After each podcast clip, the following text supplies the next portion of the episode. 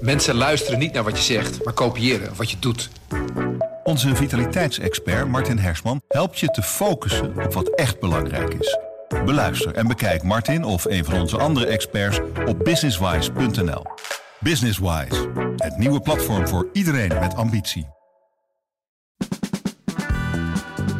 Dit is de podcast Politiek Dichtbij. Met Tobias den Hartog en Rick Bolt. Wie wil nu precies in welk soort kabinet? Dat is de belangrijkste vraag voor de nieuwe informateur Kim Putters. Deze week werd duidelijk dat naast NSC nu ook de VVD een extra parlementair kabinet als een optie ziet. Maar wat is zo'n extra parlementair kabinet nu eigenlijk? En is een onderzoek naar de verschillende kabinetsvormen wel zinvol als de onderlinge verhoudingen tussen de partijen zo beschadigd zijn? Dat en meer bespreek ik met Tobias den Hartog en Hans van Soest. Hans, uh, ja, we hebben in deze podcast al eerder besproken hoe jij aan je nieuws komt. Dat is heel veel koffie drinken, heel veel in de wandelgangen uh, rondlopen. Maar dat ging niet zo goed uh, deze week. wat was er aan de hand? Je, je, refereert nu aan het Twitter-relletje dat de gang in de Tweede Kamer waar de NSC-zetel er tijdelijk even was afgesloten, denk ik. Ja. Of niet? Ja. ja nee. Oh ja, nou, dat vond ik wel een beetje een Twitter-relletje hoor. wat er gebeurde is, ze hadden een fractievergadering in de Tweede Kamer. En het is ook waar, die uh, kamers zijn best gehorig. En ze wilden gewoon uh, niet dat dat wat daar besproken werd uh, te horen was op de gang. Dus ze hadden even een beveiliger in die gang gezet, dat wij journalisten er niet in konden. Even voor de luisteraars. Normaal gesproken kunnen wij overal in dat gebouw vrij rondlopen. Behalve op de gang dan de extra beveiligde gang van Geert Wilders. Um, ik vond het eerlijk gezegd een beetje much ado about nothing. Ik bedoel, het is in het verleden wel vaker gebeurd dat, dat uh, partijen die met zichzelf zaten te vergaderen in dit pand heel even de, uh, de, de gang afsloten. Ja, daarna was die gewoon weer open. Is het niet raar dat er in een tijd van transparantie, zeker Pieter Omzicht, nieuwe bestuurscultuur, uh, dat hij dan uh, de boel afsluit. Nou, ik ben het echt heel erg oneens met Hans. Ik vind dat je gewoon overal moet kunnen komen. En als ze uh, privacy willen, dan boeken ze maar een commissiezaaltje. Er zijn er zat van. En daar zijn de, de muren zo dik als die ze zelf wil hebben. Uh, want ik vind het signaal wat hiervan uitgaat, is dat Pieter zegt, het doet het woord. En, en de rest kan er blijkbaar als lemmingen achteraan lopen of zo. Ik vind dat je die mensen gewoon te pas en te onpas moet kunnen benaderen met vragen over, ben je het nou eens met de koers van de partij enzovoort. Nou, ik geef het je tien minuten nadat die beveiliger weg is, kan dat ook allemaal ja, wel nou weer. moet ik er wel even... Maar ik vind het signaal ja. niet zo wow. En als we het hebben over uh, uh, de, de nieuwe bestuurscultuur en uh, de democratische gehalte van de NSC, nou dan kunnen we zo meteen nog wel een boompje over opzetten. Nou, daar, kunnen, daar ben ik het wel mee eens, overigens, Tobias. Kijk, ik vond die tien minuten dat die gang uh, afgesloten was, inderdaad uh, allemaal niet zo heel, uh, heel bijzonder. Maar inderdaad, die nieuwe bestuurscultuur bij de NSC, die partij die vooraf openheid en vooral geen fractiediscipline riep omzicht altijd toen hij nog geen eigen partij moest leiden. Nou, als er ergens fractiediscipline is, je kunt werkelijk geen NSC-Kamerlid benaderen of je krijgt te horen, nee, het moet, uh, het moet allemaal via de voorlichter. Ja, dat is, laten we zeggen, oude politiek. En wat ik dan wel heel grappig vind, Pieter Omtzigt, die toen hij dus nog onafhankelijk of zelfstandig Kamerlid, moet ik zeggen, was, altijd riep van, oh, en er moeten minder voorlichters in Den Haag. ja, die laat alles in zijn eigen fractie in elk geval via de voorlichting lopen. Veel journalisten waren verontwaardigd over deze actie van de partij van Pieter Omzicht. En NSC kreeg te maken met meer kritiek. Want in de Tweede Kamer werd Pieter Omzicht flink aangepakt vanwege het weglopen bij de onderhandelingstafel vorige week. Over dat debat straks veel meer. Want de week begon met een eindverslag. Er zijn genoeg overeenkomsten tussen PVV, VVD, NSC en BBB om tot een kabinet te komen. Dat heeft informateur Plasterk vandaag in zijn eindverslag geconcludeerd. Ondanks verschillen zijn er ook grote overeenkomsten tussen deze partijen. Al ziet NSC-leider Pieter Omtzigt een gewoon meerderheidskabinet niet zitten. Ik ben ook wel blij dat we een rapport hebben kunnen opstellen waarin in ieder geval de eerste fase bevredigend en op zeer korte termijn overigens kon worden afgerond. Dus vrijwel direct uh, kon worden vastgesteld in zeven punten die uitgebreid zijn opgeschreven. Dat iedereen het vaste voornemen heeft, niet alleen om zich te houden aan de rechtsstatelijkheid, maar om die ook verder te ondersteunen. Ik heb wel zelf de indruk um, dat er hele grote verschillen zijn tussen die partijen, maar dat die met goede wil toch ook overbrugd zouden moeten kunnen worden. Ja, oud-informateur ondertussen Ronald Plasterk presenteerde maandag zijn eindverslag over de afgelopen formatie. Stond er nou nog wat leuks in? Was het een beetje... Ja, het is heerlijk om te lezen. Je krijgt dan een... eh, ik bedoel, wij zitten de, de Control F5, hè, die website van, eh, van eh, de kabinetsformatie. Want dit, dit soort dingen lekt niet uit. En om vier uur komt, eh, komt een bericht. En eh, eh, zijn rapport was acht pagina's. Eh, met een eh zwik bijlage erbij. Maar je gaat dan heel snel zitten lezen van... oké, waar staat nou ongeveer eh, de, de conclusie uit dit, uit dit alles? En dan, ik lees even een zinnetje voor... want hier moet je dan chocola van zien te maken. Onderin pagina 4. Dit neemt naar mijn indruk, schrijft Plastek daar, gebaseerd op de gevoerde besprekingen, niet weg dat het bereiken van overeenstemming niet uitgesloten is en zeer wel kan worden bereikt. Ja, dan zit je je hoofd even te puzzelen. Oké, dus het niet, Dubbele niet dit, niet dus- dat, dus maar wel wel. dat, Ja. dus wel. Ja, oké, nou dan gaan we. Oké, ja, eh, ziet wel kansen voor enzovoort.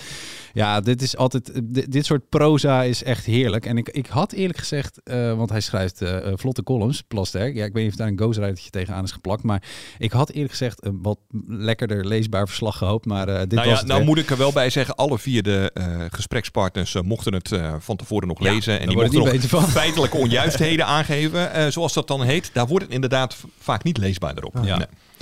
In het verslag stond dat eh Plasterk concludeert dat er ondanks grote verschillen tussen de partijen toch voldoende aanknopingspunten zijn om verder te praten.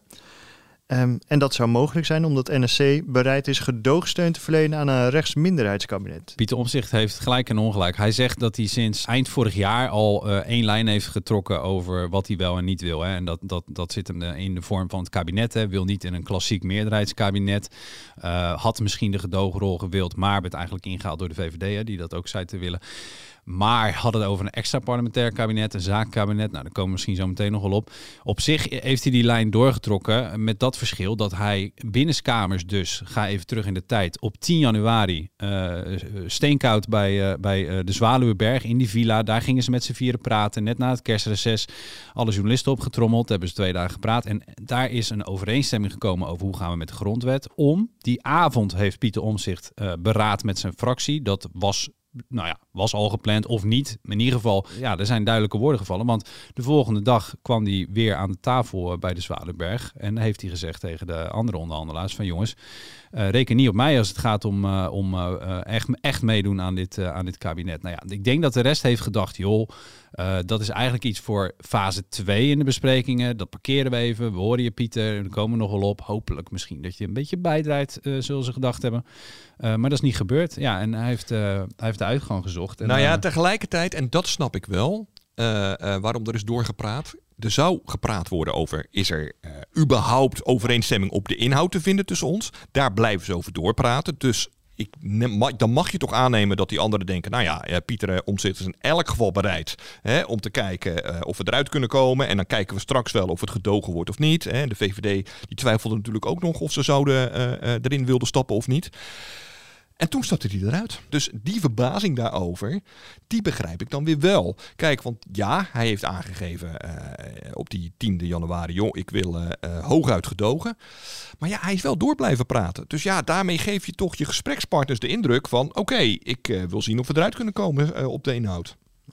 En die positie van gedoogpartner, ja, die was natuurlijk al bezet door de, de VVD. Nu maakte Dylan Jezielkus deze week een opvallende stap. Ze is toch bereid om deel te nemen aan een kabinet. De informateur geeft in zijn verslag aan dat meerdere partijen als voorkeursoptie gedogen opvoeren. En dat een situatie waarin we elkaar allemaal gedogen uiteraard niet heel erg realistisch is. Of zoals de heer schrijft, het mogen duidelijk zijn dat niet iedereen een kabinet slechts kan gedogen. En voorzitter, dat begrijp ik. En dat verandert de zaak. Om uit de impasse te komen, doe ik een stap naar voren. En ik vraag de heer Omtzigt om hetzelfde te doen. Van verantwoordelijke professionele partijen mag Nederland meer verwachten dan alleen herhalen wat je niet wil. En ook van de winnaars van de verkiezingen mag Nederland verwachten dat zij op zijn minst aan tafel willen zitten om te bespreken hoe je verder zou kunnen. Wij vinden dat de nieuwe informateur met partijen gesprekken moet voeren over samenwerkingsvormen die nu nog overblijven. Pas bij het voorstel van de heer Wilders. En daarbij is een extra parlementair kabinet nu de meest realistische van de overgebleven opties. hier zaten we en al een beetje op te wachten natuurlijk, maar het is ook wel weer een opvallende stap. Ja, en ik zag uh, één iemand uh, op dat moment uh, heel druk zijn papieren induiken en enorm bladeren en een beetje ja, nerveuzig doen. En dat was Pieter Omzicht. ik zat op de tribune en ik kon precies tussen uh, Jezielgus en, en Onzicht schakelen met mijn hoofd. Het was een beetje tennissen, zeg maar. En ja, ik denk dat dit, deze stap hem wel verraste, want...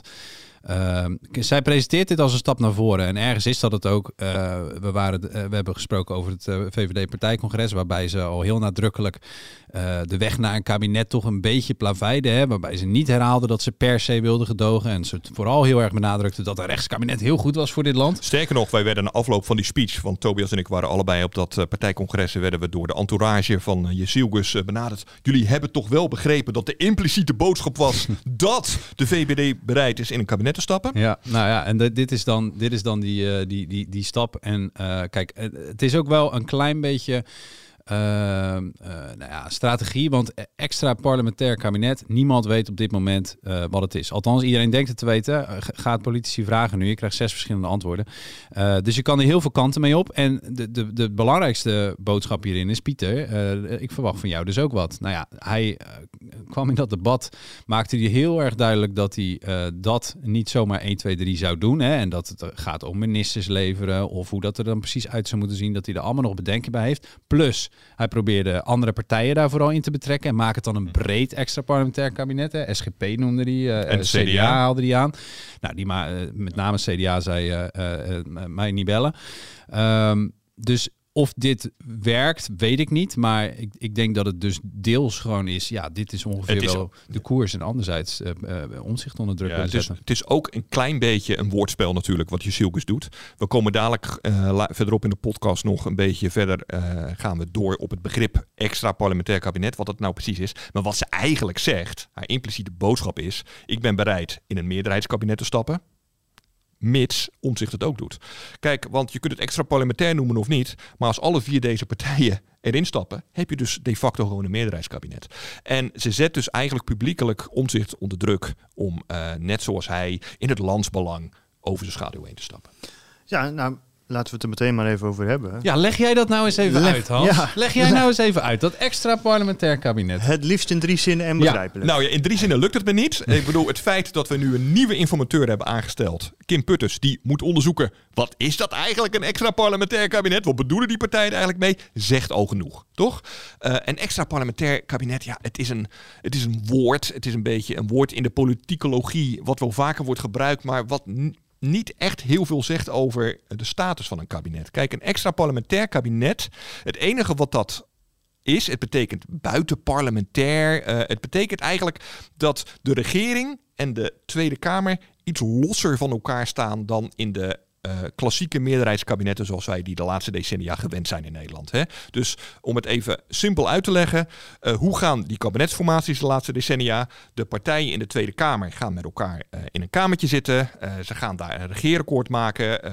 Um, ze maken er harde afspraken waarin ze elkaar beloven zich daar dat ze zich daaraan houden. Vervolgens uh, wordt er een uh, kabinet bijgezocht dat dat regeerakkoord gaat uitvoeren. Uh, nou ja, dat is zeg maar een klassiek kabinet.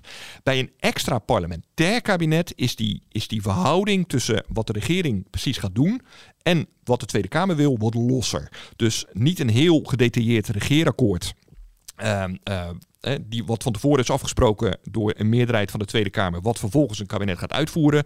Maar een kabinet kan wat meer met eigen voorstellen komen. En dan moet je maar zien of de Tweede Kamer daar wel of niet uh, mee akkoord gaat. Nou ja, dat is even heel. Ik hoop dat het nog begrijpelijk is voor de luisteraars. Een extra parlementair kabinet. Maar wat dat dan precies is in de praktijk, ja, daar kan je natuurlijk alle kanten mee op. Kijk, je kunt nog steeds gewoon op de klassieke manier met, een, uh, met vier partijen, in dit geval uh, gewoon een Kamermeerderheid, een regeerakkoord afspreken. Alleen niet zo gedetailleerd, maar alleen op hoofdlijnen. Dan kun je het ook extra parlementair noemen. Maar je kunt ook helemaal de andere kant op gaan. Uh, een zakenkabinet, waar Pieter Omtzigt in het verleden wel mee heeft ehm, geschermd. Dat is ook een vorm van een extra parlementair kabinet. Dat is, er zijn een aantal mensen uh, van buiten de politiek. Um, die hoogleraren, mensen uit het bedrijfsleven, oud-politici misschien, die gaan een uh, kabinet vormen. Die komen zelf met voorstellen. En dan zien we wel of daar een meerderheid voor is in de Tweede Kamer. Nou, zo'n zakenkabinet, geloof me, dat gaat er never nooit niet komen. Ehm, dus dat kun je sowieso afschrijven. Maar een vorm waarbij, en dat is uiteindelijk gewoon waar je zielkes op hint. We gaan gewoon met z'n vier om tafel zitten. Ehm, eh, we gaan een klein regeerakkoord maken. Niet te veel details. En eh, in zo'n kabinet kunnen dan uh, uh, mensen zitten die lid zijn van onze vier partijen. Maar misschien ook wel mensen die geen lid zijn van een politieke partij. Dat zou ook nog kunnen. Of van een andere politieke partij die je erbij haalt. En dan zien we wel. Nou ja, het is de facto nog steeds een meerderheidskabinet waar um, je zielkes op hint. Maar dat maakt het dus zo ingewikkeld. Waarom denkt iedereen daar wat anders over? Omzicht heeft een heel ander idee bij een uh, extra parlementair kabinet. Want die wil eigenlijk helemaal niet daaraan deelnemen. Nou ja, dus dit gaat echt nog eindeloos Dus, duren. Als ik het even naar me uh, over, probeer te zeggen in mijn eigen woorden. Het was het, ik, ik heb het te ingewikkeld uitgelegd, hè? Nou ja, ik ga het proberen te kijken of ik het begrijp. Um, het ligt allemaal niet zo vast in een coalitieakkoord en er is meer macht weer bij de Tweede Kamer. Ja, uh, zo zou uh, uh, Pieter Omtzigt het graag zien. Tegelijkertijd met deze grote problemen die er zijn in, in, in het land en met ook nog eens keer grote financiële problemen waar het kabinet mee te kampen heeft. Hè, want er moet echt wel voor miljarden bezuinigd, dan wel belasting verhoogd worden de komende jaren. Is het natuurlijk ondenkbaar. Tenzij je wilt dat het kabinet al heel, weer heel snel valt, dat er daar niet goede afspraken over worden gemaakt van tevoren. Dit klinkt wel als uh, de opmaat voor heel veel overleg, uh, heel veel Relatietherapie heel... noemde D66-leider Rob Jetten het. En daar heeft hij wel een beetje gelijk in. Ja, het is natuurlijk een beetje van de zotte dat er nu een soort van we zitten bijna drie maanden na de verkiezingen. Hè? En er moet nu een tussenformatie worden gekomen met een nieuwe informateur die weer met alle partijen gaat praten. Om te kijken, ja, ja wat bedoelen jullie eigenlijk precies met uh, uh, een, uh, um, het kabinet, kabinet wat jullie willen? Ja, het is, ik kan me wel voorstellen, kiezers zitten hier naar te kijken. Die denken van, wat een kleuterklas is dit, ga eens aan het werk. Eén ding is zeker, Ronald Plasterk hoeft deze kabinetsvormen niet te onderzoeken. Want deze week werd een nieuwe informateur benoemd. Even een blik hoe dat dan gaat uh, op de redactie uh, van het AD. Uh, dan wordt duidelijk dat Ronald Plasterk nou, dit, het niet meer gaat doen. Ja, dat werd wel duidelijk. Ja, dat was ja. ongeveer wel duidelijk toen ons zich wegliep en uh, met modder gooide over de documenten die ja. ze hebben achterhouden. Ja, ja Plasterk inderdaad uh, heel lelijk te kakken zetten eigenlijk. Ja, Door net te doen alsof hij uh, allerlei geheime informatie niet wilde delen en dat om zich heel veel moeite moest doen om dat boven tafel te krijgen. Maar, ja, dat was wel lelijk. Maar hoe gaat het dan? Wat gaat er vervolg? Wat gebeurt er bij, bij jullie op de redactie? Nou, dit is wel. Ik vind dit altijd wel het minst professionele deel van journalistiek, zeker van parlementaire journalistiek. Want je, je gaat gewoon heel logisch nadenken. Uh, je denkt welke kandidaten zouden uh, die, die partijen allemaal kunnen pruimen. Het moet iemand zijn die in het verleden geen, uh, geen brok heeft gemaakt bij de een of de ander. Um, en je gaat denken wie is er een beetje senior genoeg. De, de wet op in het verslag van Plasterk stond ook een soort van profielschets als in moet, moet iemand zijn met brede bestuurlijke ervaring en, en politiek verleden. Dus ik, ik even parafra gepara geparafraseerd.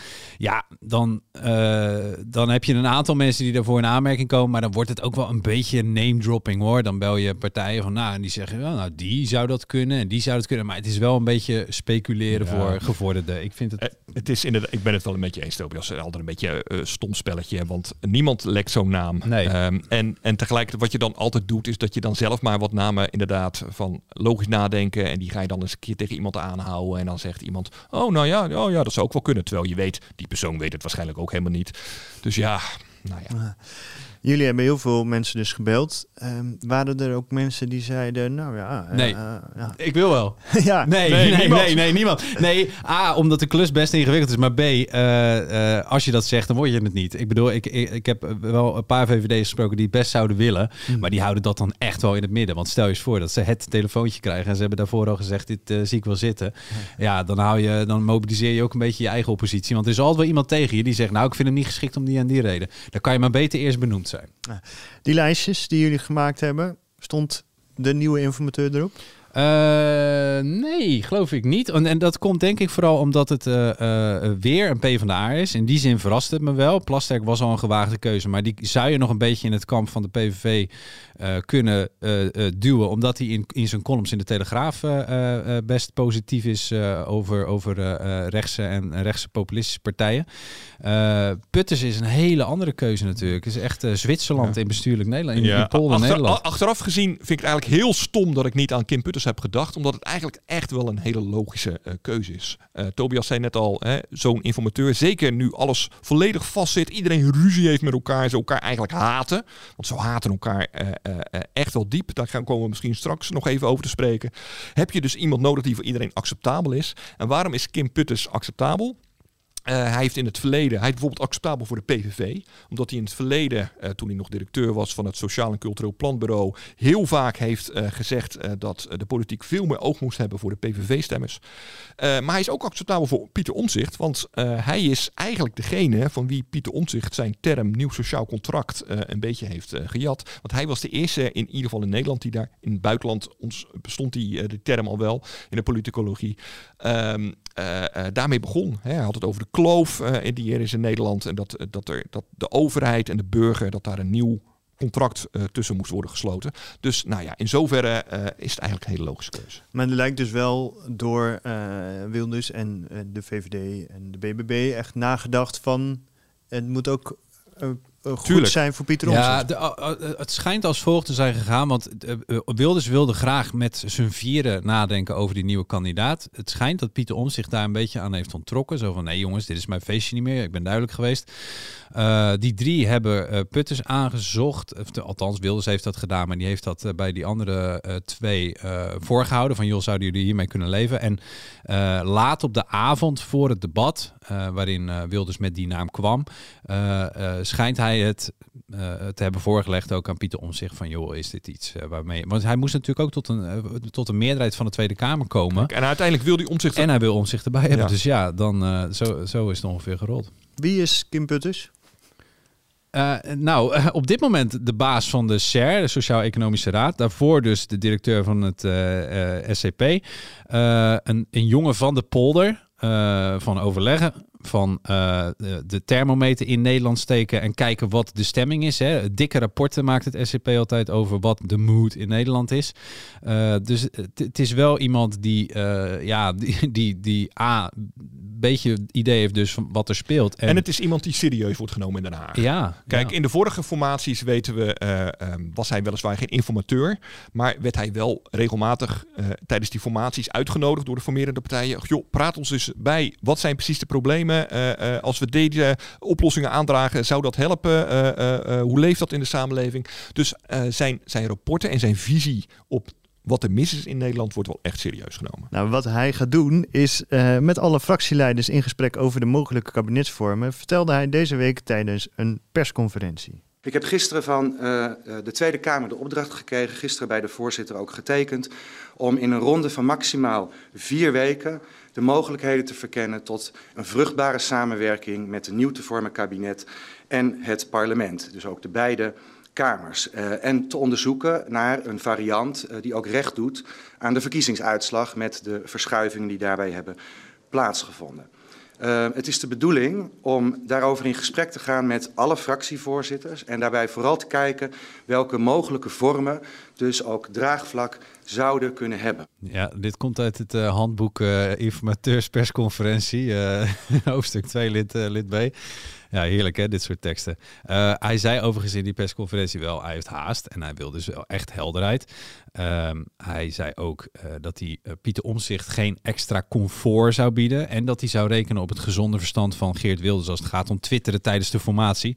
Dus het is wel, ja, hij, zei, hij, hij, maakt wel eventjes wat lijnen duidelijk. Ehm, maar verder is het natuurlijk vooral, hij heeft een pannetje soep en iedereen mag eens langskomen. Ja. ja, maar uh, ja, iedereen mag langskomen, maar heel gezellig is het onderling niet meer. Dat bleek wel uh, tijdens het debat afgelopen woensdag. De heer Omzicht liep op 6 februari om drie uur weg. De heer Wilders en mevrouw Jezilgus en mijzelf achterlatend, wachtend op duidelijkheid. We zaten midden in constructieve gesprekken. En voordat we konden constateren of er überhaupt perspectief op overeenstemming zou zijn, stopten de gesprekken vorige week dinsdag abrupt. En die duidelijkheid die kwam precies om 19 uur 12. 12 minuten over 7 in de avond. In de vorm van een bericht op de NOS-website. Omzicht keert niet terug. De media in heel Nederland wisten het eerder dan wij, zijn gesprekspartners. En om 10 uur s'avonds moesten wij bij Umberto de toelichting horen. Niet chic, een schoffering zou ik dit liever willen noemen, voorzitter. Heer Omtzigt, vanwege financiën, althans dat, dat is wat hij zei onder andere is opgestapt. Als dat niet was gebeurd, dan waren we nu ook morgen begonnen aan die tweede fase. En dan hadden we het ook over die inhoud gehad. Veel zeggen hè, dat bijzinnetje ook. Althans, dat is wat hij zei. Ja, ze geloven, ze geloven hem niet. Ze zijn, eh, en dat- zijn ook niet bang om dat te zeggen. Het is een optelsom. eh, eh, dat, dat, dat zegt hij eigenlijk inmiddels zelf ook wel. Maar in elk geval, dat wat hij heeft gedaan, hij noemde het zelf niet chic. Maar het heeft echt de verhoudingen tussen deze vier wel echt kapot gemaakt. Dat kun je eigenlijk wel stellen. Ehm, je zit twee maanden met elkaar in een kamertje en dan stap je op deze manier op. Dat is niet chic, eh, op, zacht gezegd. Vervolgens ging die afgelopen maandag zagen ze elkaar eigenlijk voor het eerst weer. Eh, eh, daar is ook werkelijk geen woord gewisseld tussen die vier. Ze hebben alleen goedemorgen gezegd tegen elkaar. Verder was het ijzig stil, hebben wij begrepen van mensen die daar aanwezig waren. Ehm, en als je die mensen eh, ehm, spreekt, dan, dan zijn ze niet echt heel lovend over Pieter Omzicht. Ze, hebben het, ze vinden hem onbetrouwbaar. Eh, ze vinden het eh, echt niet kunnen wat, eh, wat hij heeft gedaan. Kijk, een formatie kan altijd mislukken. Je kan het niet eens worden. Ik bedoel, dat is heel normaal in formatieprocessen. Alleen de manier waarop, ja, dat was wel, ja, dat was lelijk. Ja, en dan zit je toch een beetje kneep. Want je wil eigenlijk dus niet met de persoon omzicht, maar de partij NSC is een van de grote winnaars. Je wil hem in een kabinet hebben. Want je wil niet dat hij als eh, gratuit eh, oppositiefractie eh, jouw kabinet vanaf de zijlijn kapot wil maken. Je wil eigenlijk zeggen, nou, doe dan maar mee, weet je wel. Dus dit, wordt wel, er zit nu een soort afkoelingsperiode in. Hè. De komende week wordt er niet door de, gaan de partijen nog niet naar putters. Dat doen ze die week erop. Ja, je mag hopen dat ze op de skis of ergens bij een open haard allemaal een beetje tot bedaren komen. Dat ze onderling misschien ook eens bellen. Caroline van der Plas die zei in het debat openlijk... ja, joh, ik heb Pieter appjes gestuurd van... joh, zo even bellen. En hij belt gewoon niet terug. En ehm, je mag hopen dat dat een beetje normaliseert. Wil dit nog tot iets, eh, tot iets leiden? Maar eh, wat, wat, wat je wel zag in het debat is dat Omzicht bepaald niet van plan is om, eh, om een soort van sorry te zeggen of wat dan ook. Het kwam, de, de, de, de verontschuldigingen waren heel omvloerst en hij ging gewoon op zijn strepen staan over eh, dat hij sinds november duidelijk is geweest over wat hij wel en niet wil. Daar doet dat weglopen en zo allemaal niks aan af. Ehm, maar je zag ook dat hij weer een klein, da- dat hij met die houding, met die bravoure, weer een, een beetje irritatie wekte. En met name bij eh, D66-fractieleider eh Rob Jetten, want toen ging het over de, de financiële stukken. Hè, op, op, op navraag of op eh, aandringen van omzicht is, is navraag gedaan over bij de ministeries van welke financiële lijken zitten er in de kast de komende tijd. Ehm, en eh, daar is antwoord op gekomen. En daarvan zei hij dan uiteindelijk van, daar ben ik zo van geschrokken. Toen, moest ik wel weglopen. Eh, maar hij, hij deed het voorkomen alsof dat allemaal was achtergehouden. En dat, dat pikte Rob Jetten niet. Het is niet zo dat de formatietafel is geïnformeerd over tegenvallers. U heeft gevraagd wat zijn mogelijke tegenvallers en mogelijke risico's. Dus ik wil wel heel duidelijk maken voor elke kijker thuis dat u niet kunt gaan optellen wat de heer Omtzigt nu net heeft opgelezen. Dat is niet de staat van de overheidsfinanciën. Wat u heeft gekregen aan de formatietafel is een mogelijkheid die zich in de komende jaren voor kan doen, zodat een volgend kabinet de grote verantwoordelijkheid kan dragen om keuzes te maken.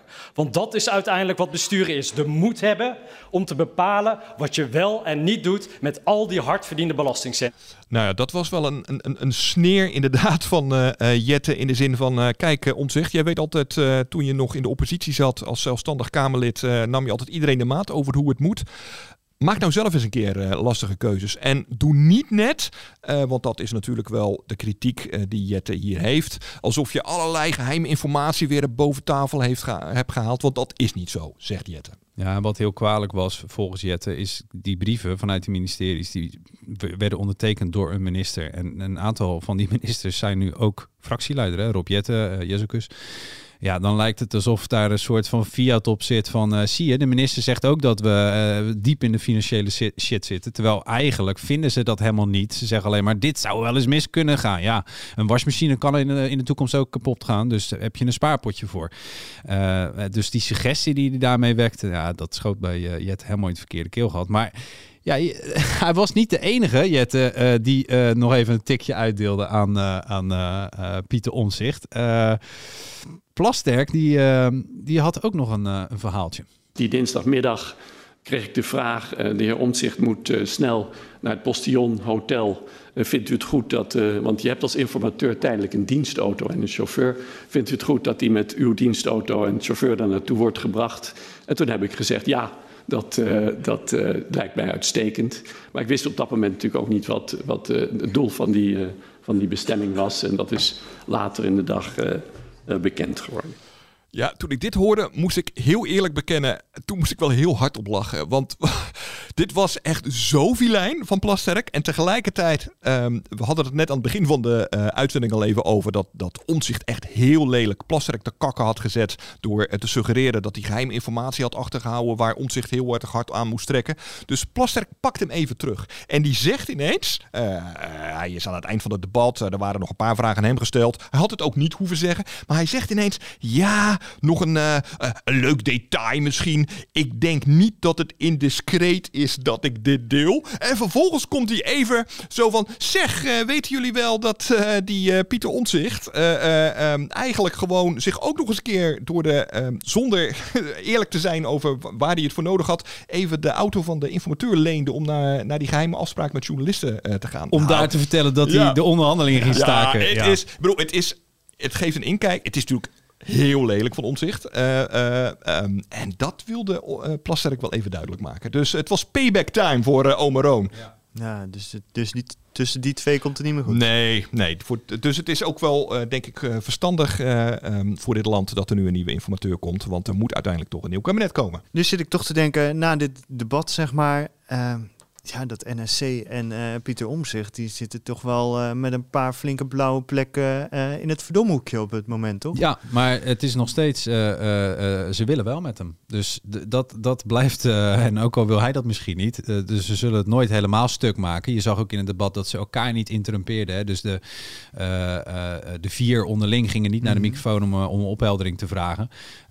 ze pakten elkaar dus wel aan in hun tekst, maar daar bleef het dan ook bij. Dus het, het mocht wel even oud doen. Maar het is nog niet helemaal eh, uit wat betreft uh, PVV, VVD en BBB dan althans. Maar als we dan toch kijken, het is een nieuwe partij. Maar ja, Pieter Omtzigt heeft toch al een politieke robbertje gevochten. Ja, uh, en ja. ook wat uit te leggen. Vanavond en uh, volgende week uh, staat hij ook tussen zijn leden bij een bijeenkomst. En daar zal, je ziet het nu ook in de eerste peiling. Hè, een deel van de achterban vindt het niet fijn dat hij niet mee gaat doen. Een deel van de achterban rekent hem zijn twijfel steeds zwaarder aan. Het vertrouwen in hem als politicus is, is dalende.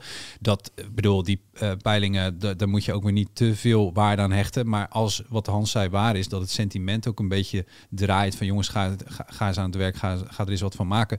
Ja, dan straalt dat nu op dit moment als eerste op hem af. Dus uh, bij die ledenbijeenkomst, hè, als we het dan toch nog even hebben over dat democratische gehalte van NSC, daar gaat geen verschuiving komen, want de leden hebben niks te zeggen over wel of geen uh, kabinetsdeelname. Maar hij zal daar dus wel een aantal kritische vragen krijgen, ja. Ik denk dat dat allemaal tot deze week en tot volgende week behoort. Want die maandag daarop uh, melden ze zich allemaal weer braaf bij Kim Putters. En die moet uh, chocola zien te maken van deze uh, melee aan troep. Kim Putters die is zich ook erg bewust van dat dit een lastige klus zou worden. Ik ben me ervan bewust dat het ook een lastige klus is, gegeven het ingewikkelde politieke landschap. Uh, ik heb gisteren ook de hele dag goed naar het debat gekeken, um, goed geluisterd uh, en had ook geprobeerd goed tot me te nemen.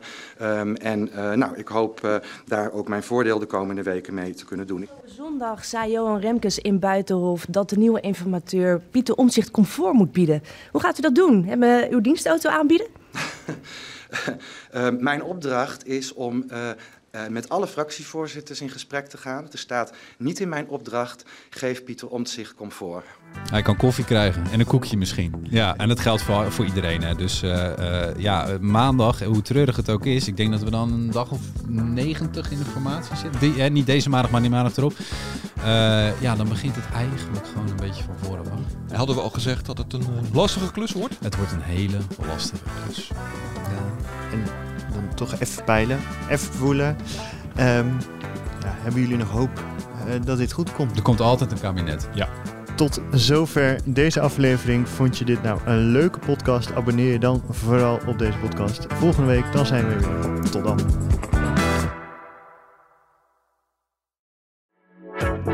Mensen luisteren niet naar wat je zegt, maar kopiëren wat je doet. Onze vitaliteitsexpert Martin Hersman helpt je te focussen op wat echt belangrijk is.